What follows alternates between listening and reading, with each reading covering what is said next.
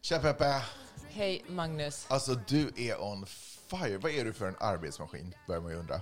Ja, jag lever den amerikanska drömmen. Här jobbar vi hela tiden. Ja, du är verkligen inte som den här låten beskriver.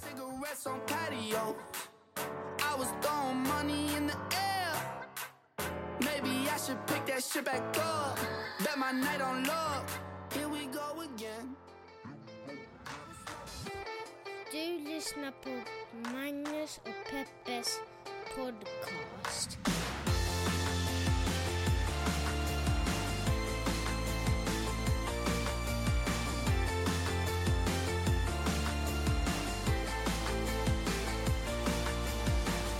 What up, what up, what up, what up internet! Hjärtligt välkomna till podcasten som heter Magnus och Peppes podcast. En liten podcast där vi pratar om stora och små händelser i världen och så försöker vi att göra det ur ett journalistiskt, fe- feministiskt och mediegranskande perspektiv. Jag ska erkänna att jag börjar bli lite trött på den här feministiska vinkeln, men allting annat känns väldigt bra. Du tänker att vi är färdiga nu med feminismen, det behövs inte längre. Nej, men finns det något mer- Nog tjatat. Är inte det normaliserat nu, Peppe? Måste vi tjata om det?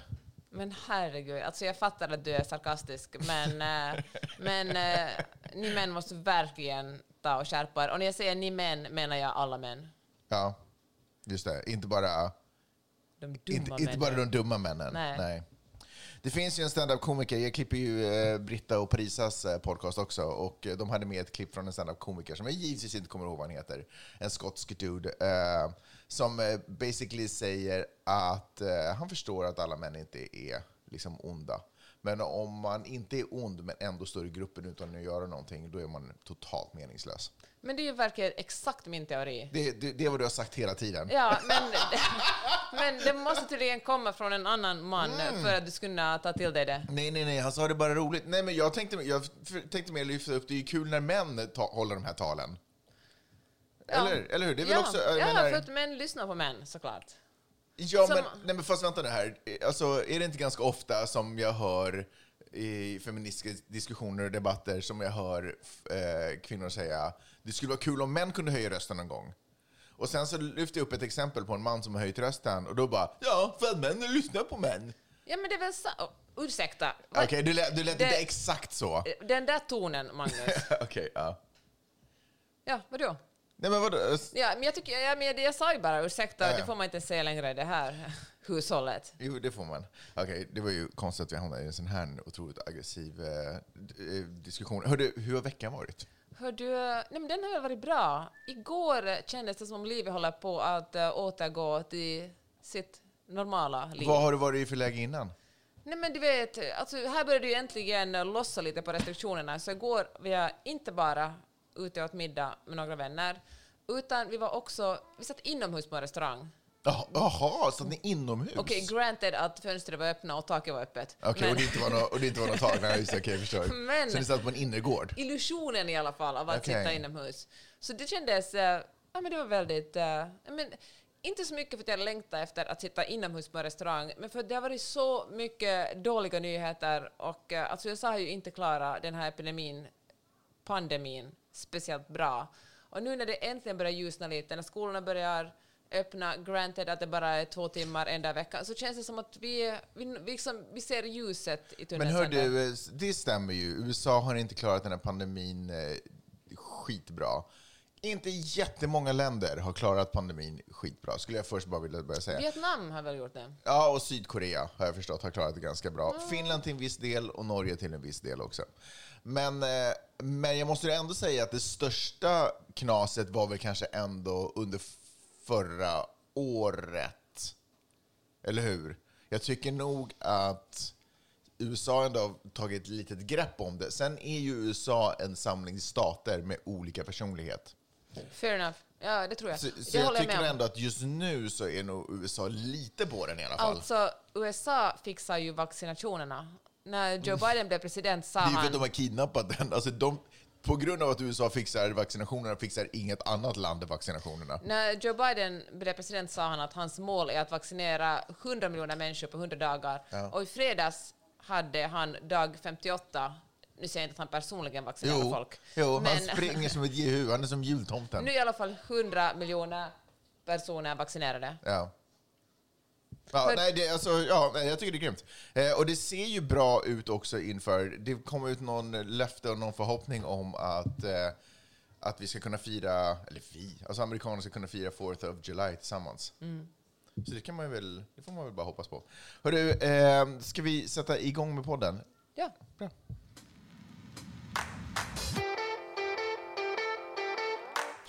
Hör du, jag sitter ju ganska mycket i möten nu för tiden. Jag har ju jag har en liten business som jag försöker dra igång. Det är ingen stor grej, vi behöver inte gå in på det desto mer. Men jag sitter ju väldigt mycket i Zoom-möten. Och helt ärligt, thank God för Zoom-möten. För fatta om jag skulle vara tvungen att hålla på och åka runt i... Ja, nu är ju inte alla de jag sitter med möten med i, liksom i Los Angeles, men om jag skulle behöva åka runt och träffa massa folk i Los Angeles, fy fan vad vidrigt eh, träffa folk på kaféer till höger och vänster. Så jag är väldigt tacksam för Zoom-mötena. Men, bara en liten kortis. Sådär, du, jag upplever att du är mer mötesvan. Eh, så ju, min fråga är här, är, för det uppstod en situation som kanske inte var en situation, men det uppstod en liten grej i mitt huvud. Eh, nämligen, jag har... Okej, så här började det. Eh, det första mötet jag hade, boom, eh, det är en dude, jag ser honom, han sitter inne i sitt kök. Jag sitter inne i vårt sovrum jag, så att, för att ha liksom Han är en, naken och onanerar. han är naken, onanerar. Jag bara, är det här liksom kutym på Zoom? Nej, jag skojar bara. Nej, men, nej, men sådär. Ja. Och sen eh, möte typ nummer två eller tre i följden, då hade de ingen bild på. Så då stängde jag av bilden. Jag bara, nice, bra, vi kör utan bild. Fantastiskt mycket trevligare. Då slipper jag hålla på och kamma mig varenda gång jag ska ha möte. Jag är typ ibland mer nervös för hur jag ser ut. Att kommer någon ta mig seriöst på utseendet? Liksom. Förstår du vad jag menar? Magnus, jag tycker du är fin. Ja, fast Peppe, du kan inte bara vara min kund. Jag måste också ha andra. Ja, men vilket fall som helst. Så, så det var, eh, ja men okej, så det, så det var supernice. Så jag började köra utan. Eh, och jag tänker att folk stämmer av, man ser, man kommer in så här, åh, är det på eller av? Så, bara, så följer man den andra ungefär lite. Nej? Nej, alltså då kan du ju ta ett samtal. Zoom finns ju till för att man ska kunna se, Se på varandra. varandra. Ja.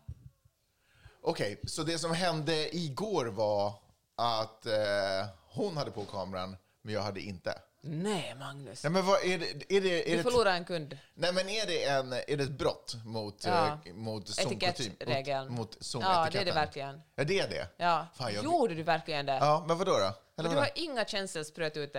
Nej, men va- varför? Fast, berätta, för, nu måste du förklara för Det är mig. någon slags, för det första, det är ju någon slags härskarteknik att inte ha på sin kamera om du ska. Och dessutom, om du ska sälja någonting, du ska liksom jobba med henne, det är ju klart hon vill se ditt face då. Jag tror att chansen att det verkligen ska bli någon business när två människor ser varandras ansikten är ju enormt mycket större än två svarta rutor som pratar med varandra. Du behöver inte bli rasistisk här bara för det. Men, men hör du, eh, så du tycker att jag alltid ska ha på kameran oavsett vad de gör? Du kan ju fråga dem, föredrar ni att inte ha på kameran och de inte har på den kan du också stänga av den. Okej, okej, okej, okej. Ja, fan, jag känner nästan på mig det där. Eh, då ska jag tänka på det nästa gång.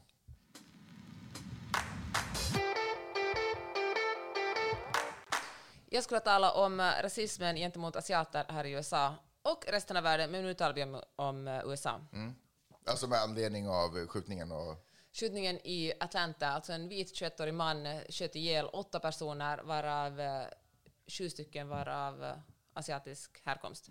Och eh, Syd... Vad sa vad kom, sydostasiatisk. Sydostasiatiskt. Och eller utseende, fan vad svårt det är liksom. Alltså man kan ju vara asian Fast american. övertänk det inte. Alltså, vi förstår vad du menar. Poängen är ju att han de facto sköt ner asiater. Det är ju det som är hela poängen. Därför att det kommer ju från det här asiathatet nu eh, som Trump har dragit igång. Ja. Tack.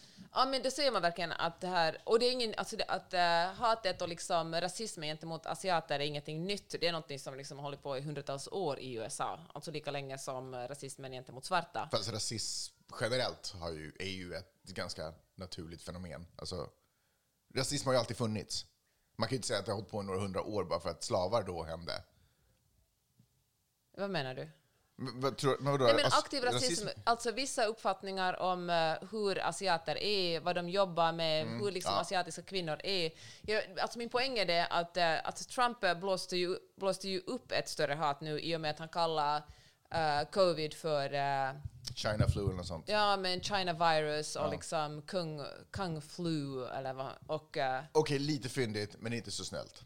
Ja, men ganska fult Mm. faktiskt. Speciellt när det har långtgående konsekvenser. Jag tror det var förra veckan vi talade nudda lite vid det här ämnet och eh, då pratar vi om hur eh, den här, de, det har liksom varit attacker, alltså hatbrotten gentemot asiater har ökat under eh, pandemin och då är det främst barn, kvinnor och äldre som har blivit utsatta. Mm, förstås. Alltså, eller jag vet inte om det är så förstås, men ja, så Ja, är men det det är väl alltid de grupperna man går, vågar gå på. Ja, och då, hade, då var det intervjuer, det var någon NPR-podcast jag lyssnade på, då intervjuade de en kvinna som sa att hon tycker det är så otroligt skönt med, med att ha liksom munskydd och solglasögon eftersom hon på något sätt kan känna sig tryggare då när folk inte ser hur hon ser ut och kan liksom rikta hat mot henne. Men tillbaka till de här skjutningarna i Atlanta, Georgia. Då hade, tack med hjälp av eh, sociala medier fick polisen fast den här 21-åriga mannen. Så vänta då, så han hade stannat till vid en, utanför en sån här nagelsalong, han hade skjutit in i butiken, hoppat in i bilen, dragit vidare till nästa. Ja, Eller hur? Till nästa sån. Och så gjorde han lite sån streak och sen var han på väg ut ur delstaten, söderut, riktning söderut, på väg mot Florida. Och, Och där då- åker han fast. Precis. Och då släpper, för polisen släpper ut sån här um, footage, alltså filminspelning från parkeringsplatsen. Mm. Och då är det hans föräldrar, när mannens föräldrar som känner igen honom och säger att, och liksom kontaktar polisen och säger att vi tror att det här är vår son. Mm-hmm. Och när de får fast honom, Kul grej att se som förälder. helvete vad vidrigt. Va, vad fan, är det där Vidar? Nej, fy fan alltså. Och, eh, och då, men då säger den här eh, 21-åriga mannen, säger, han, de tar fast honom, alltså skulle han inte vara vit så skulle han vara död nu, då hade de ju skjutit ihjäl honom. Alltså föreställ dig att en, en svart man skjuter ihjäl åtta vita personer. Alltså, han hade verkligen inte levt. Men de tar eh, fast honom utan att han blir skadad och så säger han så här, jag, har en, en, ett, jag är sexmissbrukare, det handlar om sex, det här handlar absolut inte om rasism. Och, eh, och då är det som polisen går ut med och säger så här att eh, det här är inte ett eh, hatbrott, det här liksom, det handlar inte om rasism, det här är liksom ett brott. Och, eh, och det, sen, Fast på vilket sätt är det relevant? Alltså det är klart, det är kul att veta eh, anledningen till att någon beter sig så här vidrigt för att man ska kunna ta den informationen och jobba på det och använda det i förebyggande syfte. Men på vilket sätt är det relevant om det var sex, eh, av sexanledning eller rasism? För att, eh, men för det här handlar ju om, om djupgående strukturer i samhället. Alltså för det första tror jag att de går hand i hand en stor del, alltså det handlar ju om förakt Ja, men på vilket sätt människor. är det förlindrande, eller förmildrande omständigheter Att att det här det- av, av sexuell natur? Därför att det är ytterligare, om man säger, om man, om man, det är inte förmildrande omständigheter, men att kategorisera det här brottet handlar ju om att se en större bild. Just det, våga se det som det är. Ja. att Mm. nu har hatbrotten gått upp och det här är ytterligare ett Just i det. Om man inte rapporterar brott för vad det är för sorts Så nu går det är här in under vadå, sexbrott eller? Hat, ja, men det, nej, för nu håller man på att omvärdera det. Alltså nu, idag- det här är liksom några dagar sedan det här brottet hände och nu har liksom nu diskuterar media och polisen också säger att de omvärderar det här brottet. Jag har förstått att det kan vara en blandning mellan, mellan liksom, eh, alltså det är också ett hatbrott gentemot asiater. Alltså det har också rasistiska undertoner. Det handlar också om att man i Georgia ganska nyligen har stiftat nya lagar kring hatbrott gentemot minoriteter. Och då kan då, det är också lättare att döma en person om man vet vilken sorts brott hen, okej vi säger han, har begått. Och eh, men jag tycker bara att det är så... Nu är liksom, eftersom jag tycker att det här är vidrigt men också viktigt att lära sig mer om så har jag liksom läst ganska mycket om det och, eh, och lyssnat på poddar som handlar om liksom rötterna eller liksom hur mycket asiatiskt, eh, hur mycket hat, inte hat och fördomar det finns mot folk med asiatiskt utseende. Som också finns, alltså Hollywood är på inga sätt oskyldig. Alltså vilket sätt porträtteras eh, asiater och asiatiska kvinnor till exempel i de filmer och tv-serier vi ser. Vilka roller spelar de? Och eh, då använder man till exempel filmer från så 80 och 90-talet, vet du, som Platoon och, och eh, där asiatiska, asiater är antingen gamla, och liksom gamla och lite visa och, eh, och kloka, och i de unga kvinnor så är de nästan alltid prostituerade, de är som sexarbetare. Och eh, hur man, eh, men också som ett exempel The Simpsons, det här är alltså att ha ett indiskt utseende, du vet som Apu pratar i den här, han som har liksom Quickie Mart. Hur det också är rasistiskt att, att liksom, nej men det är ett sätt att håna folks sätt att prata. Samma sak med hur man liksom imiterar japaner, hur de pratar engelska, men liksom inte kan och liksom tror att man inte, de inte kan uttala bokstaven R. Hur det finns liksom, hur så här små, små, små, som man kallar mikroaggressioner, skapar en viss bild av ett visst, av folk med ett visst utseende. Och eh, så pratar de också i någon av de poddarna som jag lyssnar på om hur... eh, Så, alltså, Får jag, bro- får jag bromsa lite där? För att jag tycker att det där är svårt. För det är ju inte... Alltså, jag... Fan, alltså... För det är ju inte osant. Alltså, att... Det är, inte, det är ju inte en... Det är ju en... ehm, vad heter det? Schablon? Eller vad, vad säger man? Det är ju en schablon ja, ni får byta ut ordet, ordet mot det riktiga, riktiga ordet, här i USA att, att små så här, deli-butiker drivs och ägs av indiska entreprenörer och den indiska engelskan talas där. Och den låter ju så. Fast du kan ju också bara se, liksom, se ut som Apu och ha, liksom, ha varit uppvuxen, och, se- och liksom vara som Kamala Harris, liksom, uppvuxen i Brentwood. Eller bo i Brentwood. Alltså jag Ja. menar, och tala en perfekt, eh, vad är det nu sen är, en perfekt engelska. Givetvis, men, men inte en ju- karikerad version. För det är ju, då- när man gör så här, gör Fast Homer Simpson är ju också en Ja, men skillnaden är ju den att Homer Simpson är vit och han är dessutom vit man. gul, Det om vi handlar- ska vara helt ärliga. Fair enough. Det handlar ju om vem, liksom, vem som kämpar på vems bekostnad. Fast skulle det inte vara aldrig- Jo, men jag förstår, jag hör vad du säger, men i det här konstnärliga och satiriska uttrycket, vore det inte konstigt om alla andra låtsades vara någonting som, som alltså, inte var schabloner och nidbilder av sig själva, förutom Homer Simpson? Alltså, men, Fast förstår du, det, det alltså, här är ju en politisk kan, kommentar. Att göra, en, att göra sig lustig på en... eh, Det skulle ju inte handla om The Simpsons det här avsnittet. Men att göra sig lustig på en vit mans bekostnad är en helt annan sak. Jo, och att för- göra sig det- lustig på någon givetvis. som utsätts för rasism på grund av sitt utseendes bekostnad. Förstås, men eh, absolut. Men om man drar den feministiska vinkeln så är det ju också konstigt då att Lisa ska vara den duktiga flickan. Ja, förklara- Är inte det också en schablon av... Fast utsätts Lisa för rasism?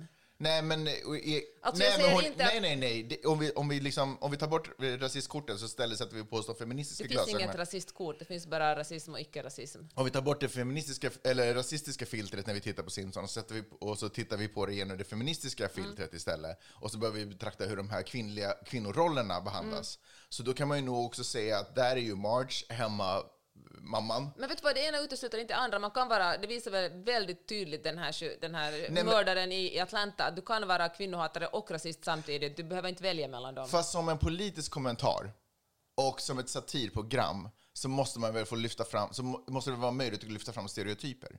Ja, jag, jag, alltså, jag handlar, det handlar inte om att någon ska censurera Simpsons, men det handlar om att lyfta fram på vilket, som jag försökte tala om, är att hur små, vad vi ser på tv-skärmen påverkar oss Mm. mycket. Om vi ständigt ser en viss typ, om man ser ut som Apu i The Simpsons, Ja. eller om man är en ung asiatisk kvinna i en film och alltid blir porträtterad som eh, sexarbetare, Mm. då är det, vare sig vi vill det eller inte, då den, det, det är det vi... Då så- det- det, det sugs in igen, då den den bilden av de här människorna som vi ser. Jag Ja. kan tänka mig att det måste vara, eller min aha-upplevelse av det här när jag liksom har, har, har, har lyssnat och, och läst på är hur otroligt jobbigt det måste vara att en asiatisk Såklart. kvinna, alla de här vita männen som sätt tror att det enda man vill är Precis. tillfredsställa dem. Och liksom också alltså det här kommentarsfälten på sociala medier under, och också artiklar under liksom den här morden. Då är det en massa vita snubbar som kommenterar och säger att fick de en happy ending eller inte. Att tänka att liksom ha ett utseende som män associerar och skämtar. Du dör skämtar folk om happy endings på din bekostnad. Alltså, det, alltså det är så vidrigt att det, ja, men det är så fruktansvärt vidrigt. Och då kan man ju säga så här, ja men man ska kunna skämta om allt. Ja, men du kanske är rasist när du skämtar om vissa saker. I Hollywood så har det ju, det kommer jag ihåg att det snackades om, för att eh, det ansågs inte vara möjligt att göra en lönsam eh, film, Hollywoodproduktion, med asiatiska leads. Så därför har de alltid hållits i bakgrunden. Och det är naturligtvis bara... Som Crazy Rich Asians gick väl superbra. Jag skulle... Fan, Förlåt. Peppe. Det där är en sån dick move. Att ta bort min punch. Nej, men jag ska bara. Nej, men alltså precis. Eh, men sen så gjordes då eh, Crazy Rich Asians som var ett... Men förstås går det att göra sådana filmer. Det är ju helt absurt. Det där är ju bara ett... Men det är så här, kvinnor kan inte bli presidenter för Ja, de är för exakt. emotionella. Eller de kommer inte Precis. ens rösta för de är för emotionella. Alltså det är ju... Men jag tycker det är så fascinerande att man inte ens har det där, du vet, för att man vet ju att det inte är sant. Det, det måste ju nästan, någonstans måste ju alla typ lite veta det. Och jag förstår att så här, okej, man har gjort någon studie, man har gått ut och intervjuat folk på Hollywood Strip och bara, "Sk- tycker du om det här eller det här? Och det är klart att eftersom alla är rasister så, så svarar man säkert så som man tror. Och så använder man den studien som någon form av bevis på att det inte går att ändra framtiden. Medan den egentligen bara är ett bevis på att så här ser verkligheten ut idag. Ehm, så det är klart att det går. Men det som förvånar mig är att trots att, att så här smarta och, som jag tänker, hoppas, intelligenta människor, att när man hör sig själv säga att det är inte möjligt att göra så, att man inte bara, den meningen inte studsar tillbaka in i ens panna och bara, äh, vänta, hur, det kanske vi skulle kunna göra. Vilka skulle kunna vara leads här? Vilka skulle vi kunna lyfta fram och göra till stjärnor, eller? Eller du vet, bygga vidare på. Ja. Men vill du säga något mer om eh, Orlando? Ja, men okej, så han, jo, så han Fast sa att... Atlanta, inte Atlanta, Orlando. förlåt. Så han sa att eh, det här är ett sexbrott. Att Eller han är har ett problem med sex. Ja, men det, han är sexmissbrukare, han har ett problem och det här har ingenting med rasism att göra. Och att uh, känna någon slags fetisch gentemot just asiatiska kvinnor är väl någon form av rasism. Wait, nu, nu sa du en annan sak. Är fetischer också rasism? Nej. För man nej, väljer nu- en nej. inriktning så exkluderar man andra, Nej, eller vadå? men att föreställa sig att asiatiska kvinnor ska behaga en på ett visst sätt är rasism. Nu säger jag inte att Fast man kan väl ha sexuella preferenser, det kan man väl ändå få ha? Alltså varför sätter du mig alltid i situationer där jag på något sätt lite bör försvara galenskap? Men, men alltså att ha sexuella preferenser, det måste man väl få Nej, ha? men du drar alltid så jättegeneraliserande. Du bara, jaha, ska vi lägga ner The Simpsons nu? Får man inte ha sexuella Okej, preferenser? okej. Ja, men man kan ju verkligen säga att är det exotiser...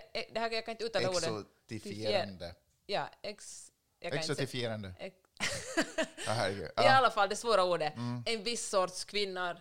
Kanske man ska se över det. Det som man eh, otroligt fult kallar kvinnor som åkte till eh, Zambia, vart man nu åkte, och köpte sex av, av unga män, Mm. kallar det för jungle fever eller biracial liksom, relationer här, som Mm. ju också länge var förbjudet. Då kan man ju också säga, finns det någonting, att finns det en orsak till att man ser så här på en viss sorts människa med en viss hudfärg? Jag tänker att det skadar ingen att granska sig själv Mm. ibland. Sex, kan ju, sex är ju komplicerat, för det kan ju också vara ett maktspel. Och jag menar, det gör det ju svårt om en upplever att jag ska vara högre än dig, därför så väljer jag den här hudfärgen eller den här, liksom. Ja, och då, då blir det förstås komplicerat. Men man kan ju också hoppas, ah, skitsamma, whatever. Så de håller på att omvärdera det här nu då, så att det inte är sexrelaterat, utan att det är ett hatbrott. Men alltså, jag tänker för det första är det ju inte sex om du har ihjäl någon. Alltså, det är samma sak som Nej, våldtäkt har ju säga. ingenting med sex att göra. Det är ju våld. Alltså Mm. sex har ingenting med det här att göra. Utan det är ju våld och sen måste man ju se över, är det våld och, och rasism eller rasism som Mm. liksom, går de, de går ju ofta hand i hand. Hör du, en annan grej som jag funderar på, på det där, vet du vad, vi kör en liten bumper emellan.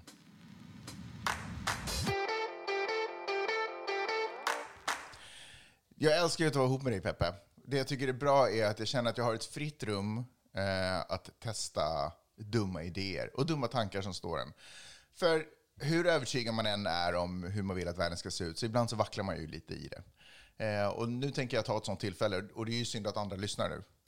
men, men ta det för vad det är, och jag kommer snart förstå också varför det jag säger inte är korrekt och sant. Men, man pratar ju gärna om det här som ett strukturellt problem. Men Vad menar du det här? Eh, Att, Kommer det nu? Att, en- att en man eh, går och, och skjuter upp saker, att en, en polis eh, kidnappar och dödar en kvinna i England, Mm. eller alla andra brott som sker mot kvinnor runt om i, i världen varje minut, antar jag. Men någonstans inom mig så känns, finns också känslan av att... Ah, i, alltså, Kvinnor borde vara försiktigare. Nej, nej, men att det här ändå, alltså det är ju individer som gör de här galenskapen mot kvinnor. Det är ju inte...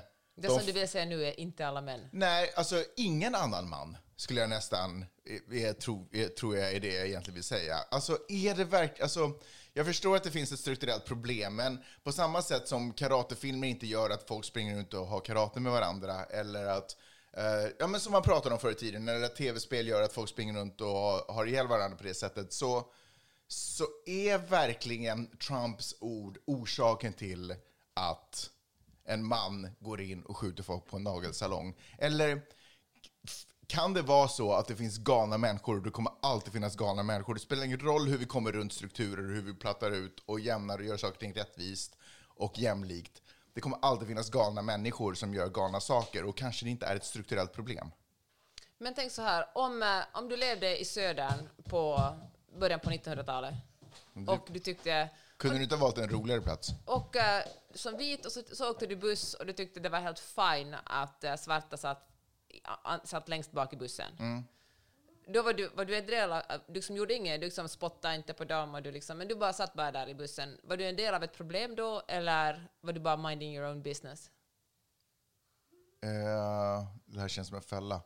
Men, eh, nej men alltså, inte vet jag. Alltså, jag var väl antagligen en del av ett problem, men någonstans så var jag väl också bara minding my own business. Men förstår du inte att om du, du gynnas ju av att vara vit man? Nej, men fast, fast Förstår jag du? gynnas ju inte av att det glider runt en dude och skjuter liksom folk som Nej, men det är ju extrema. Alltså det är ju det som är det extrema. Ja, men det menar jag, det här extrema, de här extrema handlingarna, som den här polisen som var tar... är du gränsen då? Våldtäkt är en gräns. Att bli tafsad på hissen av män, är det... Eh, vad, vad går det? Eller att dra sexistiska skämt på, eller rasistiska skämt, att använda n-ordet. Är det liksom, det är ju inget brott direkt, men eh, då tänker jag att var går gränsen? Var liksom, när är man en extrem? Är det bara mord? Eller, ja. Ja, vi, går, eh, vi går vidare.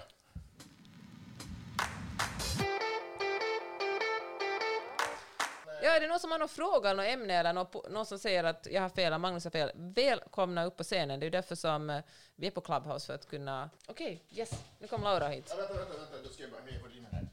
Så vi hör vad hon, vad hon säger. Hallå? Yes, Laura. Jag har lite tekniska, Hej! jag har lite tekniska utmaningar för jag kör bil samtidigt och det här är säkert olagligt hemskt men ni får nu förlåta mig. Uh, jag har två saker. Uh, jag tänkte om den här rasismen och uh, hatbrott och uh, hat särskilt mot asiatiska personer eller personer med asiatiskt påbrå så var inte hela grejen här nu det att skulle det här ha varit en uh, icke-vit person som skulle ha dödat åtta personer så skulle nog polisen direkt ha kallat det för ett terrorbrott. Men ehm, du var det en vit person och nu var det bara en kille som hade en dålig dag. Och det är väl liksom, Och som hade Det säger väl. sex. Ja, men så bra poäng. Och det var ju exakt som, som Laura sa, var det ju så att när poli, en poliskonstapel gick ut och sa att he had a bad day, he had a very bad day, Polisen eller? polisen. Ja, okej. Och, alltså, polisen, uttryckligen polisen.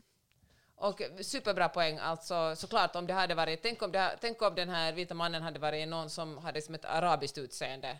Alltså, de hade fan stängt ner alla flygplatser och uh, startat krig med, inte med Saudiarabien, men med något valfritt annat muslimskt land.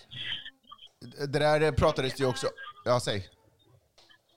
Ja men det, det här ehm, hör ihop med um, följande grej som ni, ni pratar om, så, så säg bara.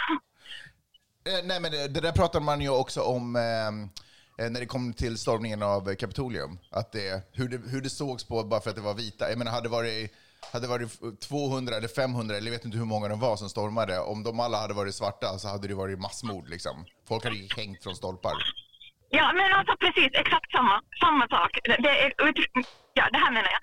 Och sen min andra, del, äh, andra kommentar var till det att ähm, jag tänker att, att Äh, man kan ju inte dra en direkt linje mellan att Trump eller någon annan säger någonting och sen ett, tu, tre blir alla väldigt radikaliserade och misogyna och så här.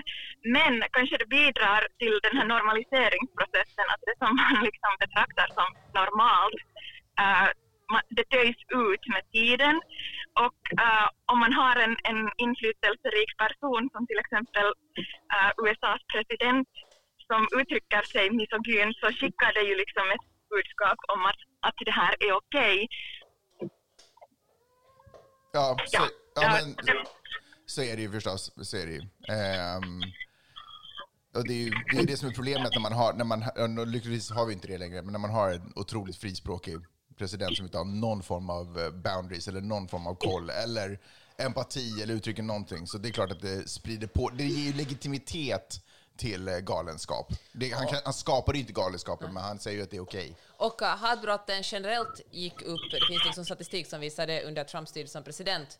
Och hatbrotten mot, mot svarta och folk, som, eller med folk med icke-vitt utseende. Tack så hemskt mycket Laura. Du, jag ska bara, ja förlåt. Tack så hemskt mycket Laura. Ehm, och, och är det någon annan som har någonting att säga så kom gärna in.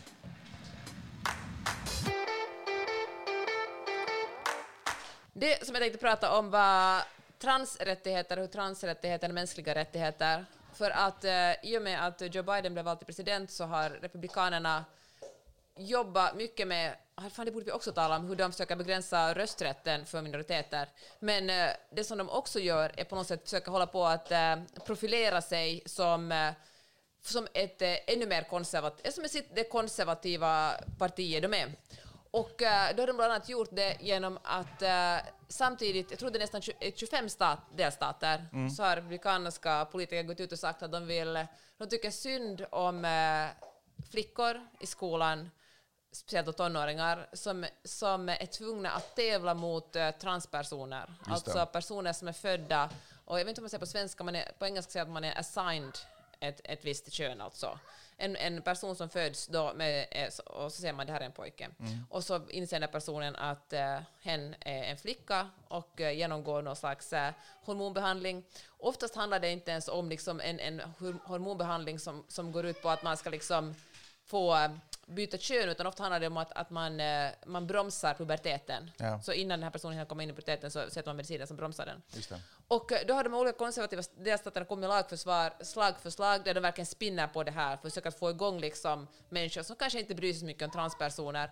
Men då lägger jag fram det så här att tänk när era stackars oskyldiga tjejer ska spela, göra någon slags sport, spela fotboll eller tennis eller vad som helst, och så kommer de här personerna, Butchiga. bu- ja, men som egentligen är män med jättemycket testosteron. Och vinner egentligen dem. män, men som bara för att de inte är duktiga på sport försöker hitta en genväg till att bli duktiga på sport och därför börjar tävla för tjejernas planhalva. Ja. Men alltså, tänk Så det är att- dessutom män med ont uppsåt. Liksom. Precis. Och, eh, och på något sätt, om, om man lyckas förklara det här, eller många människor går på det här, men i praktiken handlar det verkligen inte om det här. För det första så är det ju att gå igenom en, liksom, att börja äta hormoner för att kunna klassas som kvinna bara för att kunna vinna en sport, känns ju ändå som ett ganska onödigt.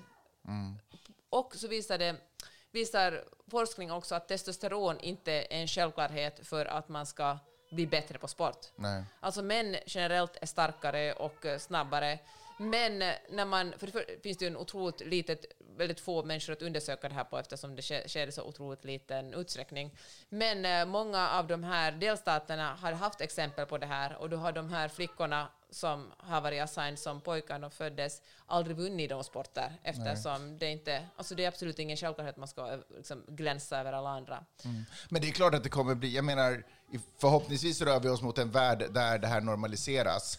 Så, så det är klart att det kommer bli fler och fler av den här sortens fall. För jag är ganska säker på att fler människor föds Ja. i fel kropp än vad vi ser Det idag. finns det verkligen också bevis på. Alltså vår generation fanns det väldigt få jämfört med millenn- millennials och gen eh, Z. Mm. Så det, men det är trots allt, även om det finns fler, så är det ändå en otroligt liten andel. Såklart, en, en absolut. Men det jag skulle vilja säga är att det som stör mig här mest är kanske lättjan.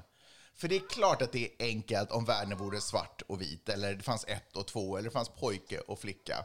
Eh, och då delar man upp, då har man pojklag och så har man flicklag och så kan alla tävla och, och vinna eh, på sina egna kammare. Eh, men nu är inte världen så, utan den är mer dynamisk och den är mer, eh, och den är mer, det finns mer variation och det finns mer olika, ja men du vet, sådär. Men, men det jag ska säga, men lättjan i att inte sätta sig ner och fundera på, okej, men hur kan, vi då, hur kan vi då skapa ett intressant sportsammanhang som fungerar i den här nya världen? Utan istället så bara, nej, vi ska ha det som det alltid har varit. Och sen så måste vi antingen diskvalificera en sorts människor, eller en grupp människor, eller så måste vi liksom forcera in dem i en av de här grupperna. Det som, ja, jag säga, men det som jag stör mig på är att eh, republikanska politiker försöker vinna poäng och röster genom att spela, eller att offra människors, alltså transrättigheter. Offra de här människorna för någonting som inte ens är sant, för att på något sätt profilera sig som det konservativa, det liksom eh, och rediga partiet. Får jag säga en annan ganska ful sak som du gör det? Och det är att man får det här att framstå som konstigt och att det är på något sätt eh, demokraternas eh, demokraternas värld där bara konstigheter får finnas och abnormal- Anomalier och- ja, och abnormaliteter och allting som är sådär underligt. Att det är liksom en, en demokratisk konspiration för att på något sätt skaka om systemet. Det tycker jag också är otroligt fult. Ja. Hör du, eftersom jag nämnde röst, eh, röstförfarande i USA så tänkte jag kunde ta upp det lite snabbt. Och det, Vänta, vad sa du? Röstförfarande? förfarande att äh, rösta eftersom Jaha. Republikanerna i många delstater håller på att äh, försöka göra det svårare för speciellt minoriteter att rösta. Mm. Eftersom äh, ju fler demokrater som röstar, alltså demokraterna är generellt fler. Och äh, alltså, om det är ett, ett högst... Mm. Alltså nu menar du potentiella demokratiska eh, Precis. röstare? Ett högt valdeltagande gör ofta att Demokraterna vinner och ett lågt att Republikanerna vinner. Och eh, då håller Republikanerna på att begränsa rösträtten, för de, under eh, presidentvalet så höjde många republikaner och hävdar fortfarande att det, att det var, eftersom Trump inte vann, handlade om valfusk. Och, eh, det här, och det visade sig att det här var det säkraste valet, alltså det praktiskt taget inget valfusk förekom. Men, Alltså, också lite, lite konstigt i mina öron. Alltså jag menar, när Obama, Obamas val, förlåt, en liten parentes bara, men Obamas val, så då var det så här, ah, Ryssland försöker göra intrång och försöker mygla och fixa och det var väldigt mycket så där skeptiskt mot det resultatet. Men, eh, men nu helt plötsligt så var det världens säkraste val. Ja, men de har ju haft alltså valdeltagare, alltså Ryssland försökte ju medla det här valet, men eftersom, eftersom förra, man hade erfarenhet från förra valet så var det mycket svårare, så de klarade inte av det. Iran försökte också medla i det här valet, men de klarade inte av det eftersom USA hade förberett sig på det. När Ryssland försökte medla i ett tidigare val så hade man inte kunskap om att det kunde gå till så här. Okej. Och de hade ju valobservatörer, alltså det, det här är inte de, en magkänsla, utan det är liksom Nej, nej, nej, det jag, fanns jag, liksom jag förstår. utomstående Ja. oberoende valobservatörer som sa att det, det finns alltid, alltså, jag tror att det, det finns ingenting som ett perfekt val. Det, finns, det, händer, det händer liksom, men på, i många delstater räknar man ju om till och med flera gånger valresultaten och kom fram till samma resultat. Mm. Men den här, det här påståendet att det skedde valfusk är ett argument som alltså inte stämde. Mm. Men, det, men, men eh, Republikanerna använder det som ett argument att nu är det dags att få säkra val. Mm. Eftersom folk kommer ihåg, det var ju snack om något valfusk, de kanske inte kommer ihåg eller vill veta ens vad liksom resultatet det var. Och, och då vill de göra det svårare att, eh, att poströsta, till exempel, för de säger att det är så valfusk sker. De vill flytta vallokaler, så det är liksom längre avstånd mellan vallokalerna. De vill... På vilket sätt är det, gör det det säkrare? för att eh, de tycker det blir lättare att kontrollera det om man har vallokaler på vissa ställen. De vill stänga vallokalerna tidigare och de vill inte flytta valet till en dag, till exempel en söndag. För att nu, är det, nu röstar man ju alltid på en tisdag och för folk som jobbar inom vissa branscher kan det vara jättesvårt att få ledigt från jobbet. Och eh, så vill de också ta bort, det finns här eh, röstningsboxar som man kan sätta in sina valsedlar i, typ om man förhandsröstar, de vill de också ta bort. Och, eh, och, det här, och, eh, och då säger de det här bara för folk, liksom det är vår egen säkerhets skull. Men i praktiken innebär det här att folk som jobbar inom eh, alltså, som en låglönebranscher och servicebranscher, folk som inte har möjlighet att åka liksom tre timmar efter jobbet eller och till en vallokal kommer inte kommer att kunna rösta. Eller folk som eh, annars skulle ha poströstat, inte alltså om det, förbjudet- om det inte går att poströsta utan en väldigt skälig orsak, så kommer de att låta bli att rösta. Alltså om det blir för bökigt att rösta, då försvinner en massa röster som enligt historien vanligtvis kommer från minoriteter, alltså svarta och latinos. Och det gynnar republikanerna på lång sikt. Får jag då ändå bara tillägga att eh, hur valen sköts är ju upp till eh, de olika delstaterna att bestämma. Att det är ingen federal lag som säger att det ska skötas på ditten och, detta, och datten sätt. Så att åtminstone så om det här är någonting som republikanerna promotar och tycker att borde införas i delstater så är det ju säkert inte alla republikanska idag. Alltså de enda chanserna de har att införa de här är ju idag i republikanska stater. Och det är säkert inte alla som ens går in på dem. Men det är klart att det inte är så bra för demokratin i just de delstaterna. Nej.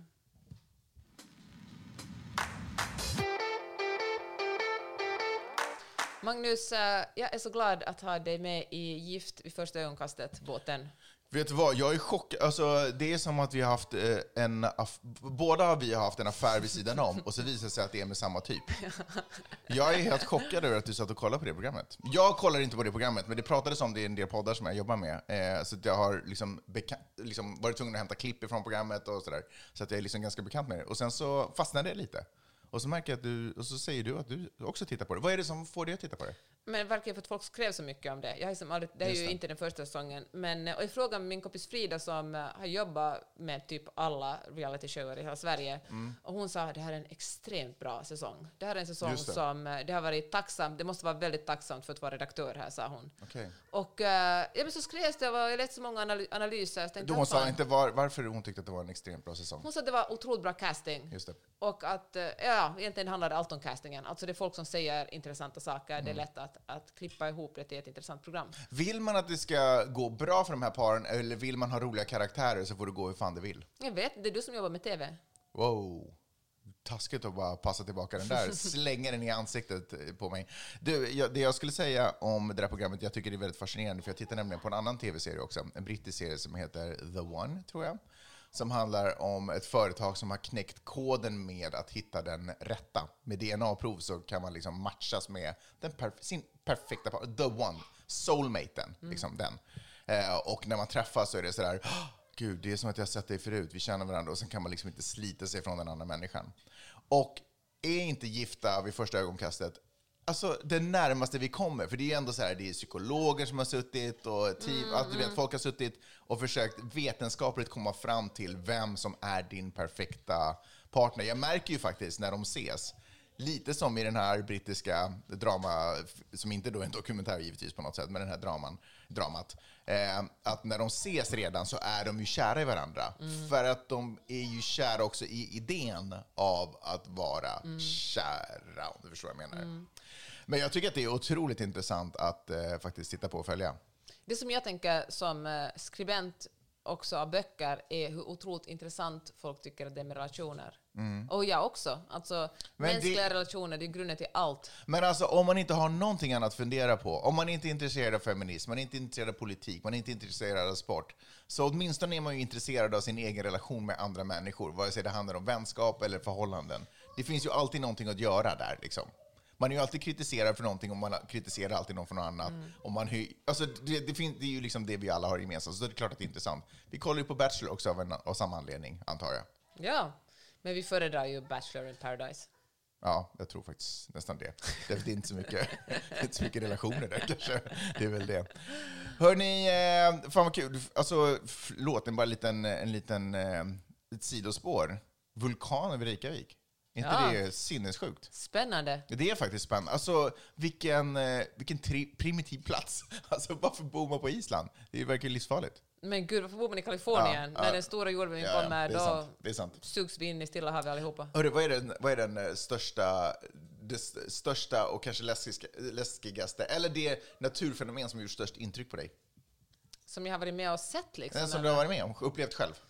Okej, ehm, Är det någonting som poppar upp i ditt huvud? ja men alltså den vattenfallen i, i eh, gränsen mellan Argentina, Paraguay och eh, Brasilien. Jaha, men det var ingenting som bara uppstod och så helt plötsligt var du under, eller? Utan Nej, bara- alltså bara då åker jag för att se dem. Ja, ja. Ja. Annars tycker jag alltså jordbävningar är ju alltid, ger ju alltid en wow-känsla. Ja. Men det är länge sedan, vet du vad, det tänker jag varje dag.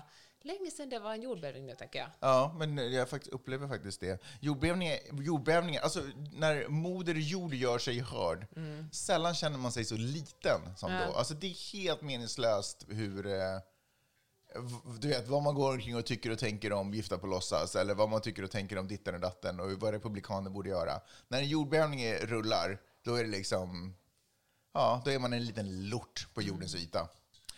Skitsamma, vi är väl alla lortar på något eller annat sätt. Hörrni, eh, jag tycker att det är dags att runda av nu.